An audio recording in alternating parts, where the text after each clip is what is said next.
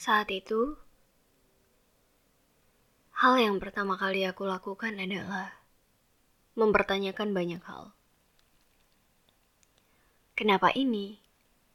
Kenapa itu? Kenapa harus aku? This can't be real. Ini semua gak nyata. Bisa jadi dia berbohong. Tapi kita semua merasakan fase ini. Ketika semua datang terlalu mendadak. Dan ya, siapa sih yang pernah siap untuk ditinggalkan? Karena itu, surat pertama yang aku berikan adalah tentang penolakan. A letter for the broken-hearted. Rejection. In the night when my heart breaks,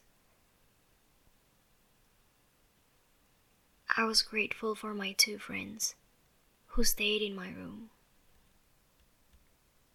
But there is something wrong. I supposed to feel warm, but still, it was so cold. I don't know that loving someone would be this hard. Cause it hurt so bad.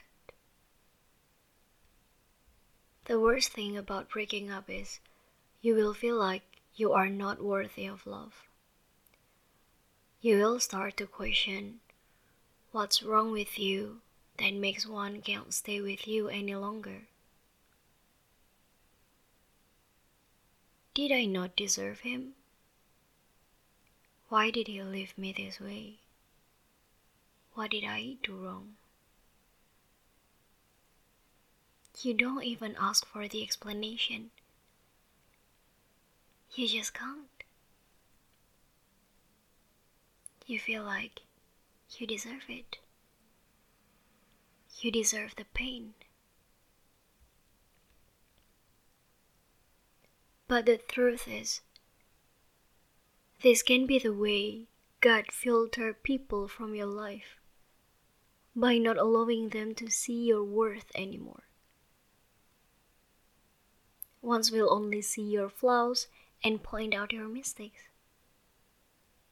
then take you for granted. Remember this. He is not living. He chose a different direction.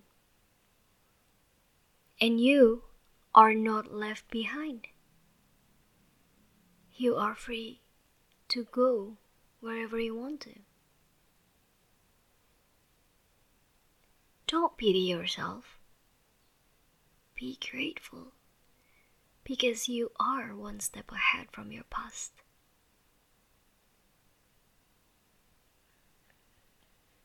It's okay.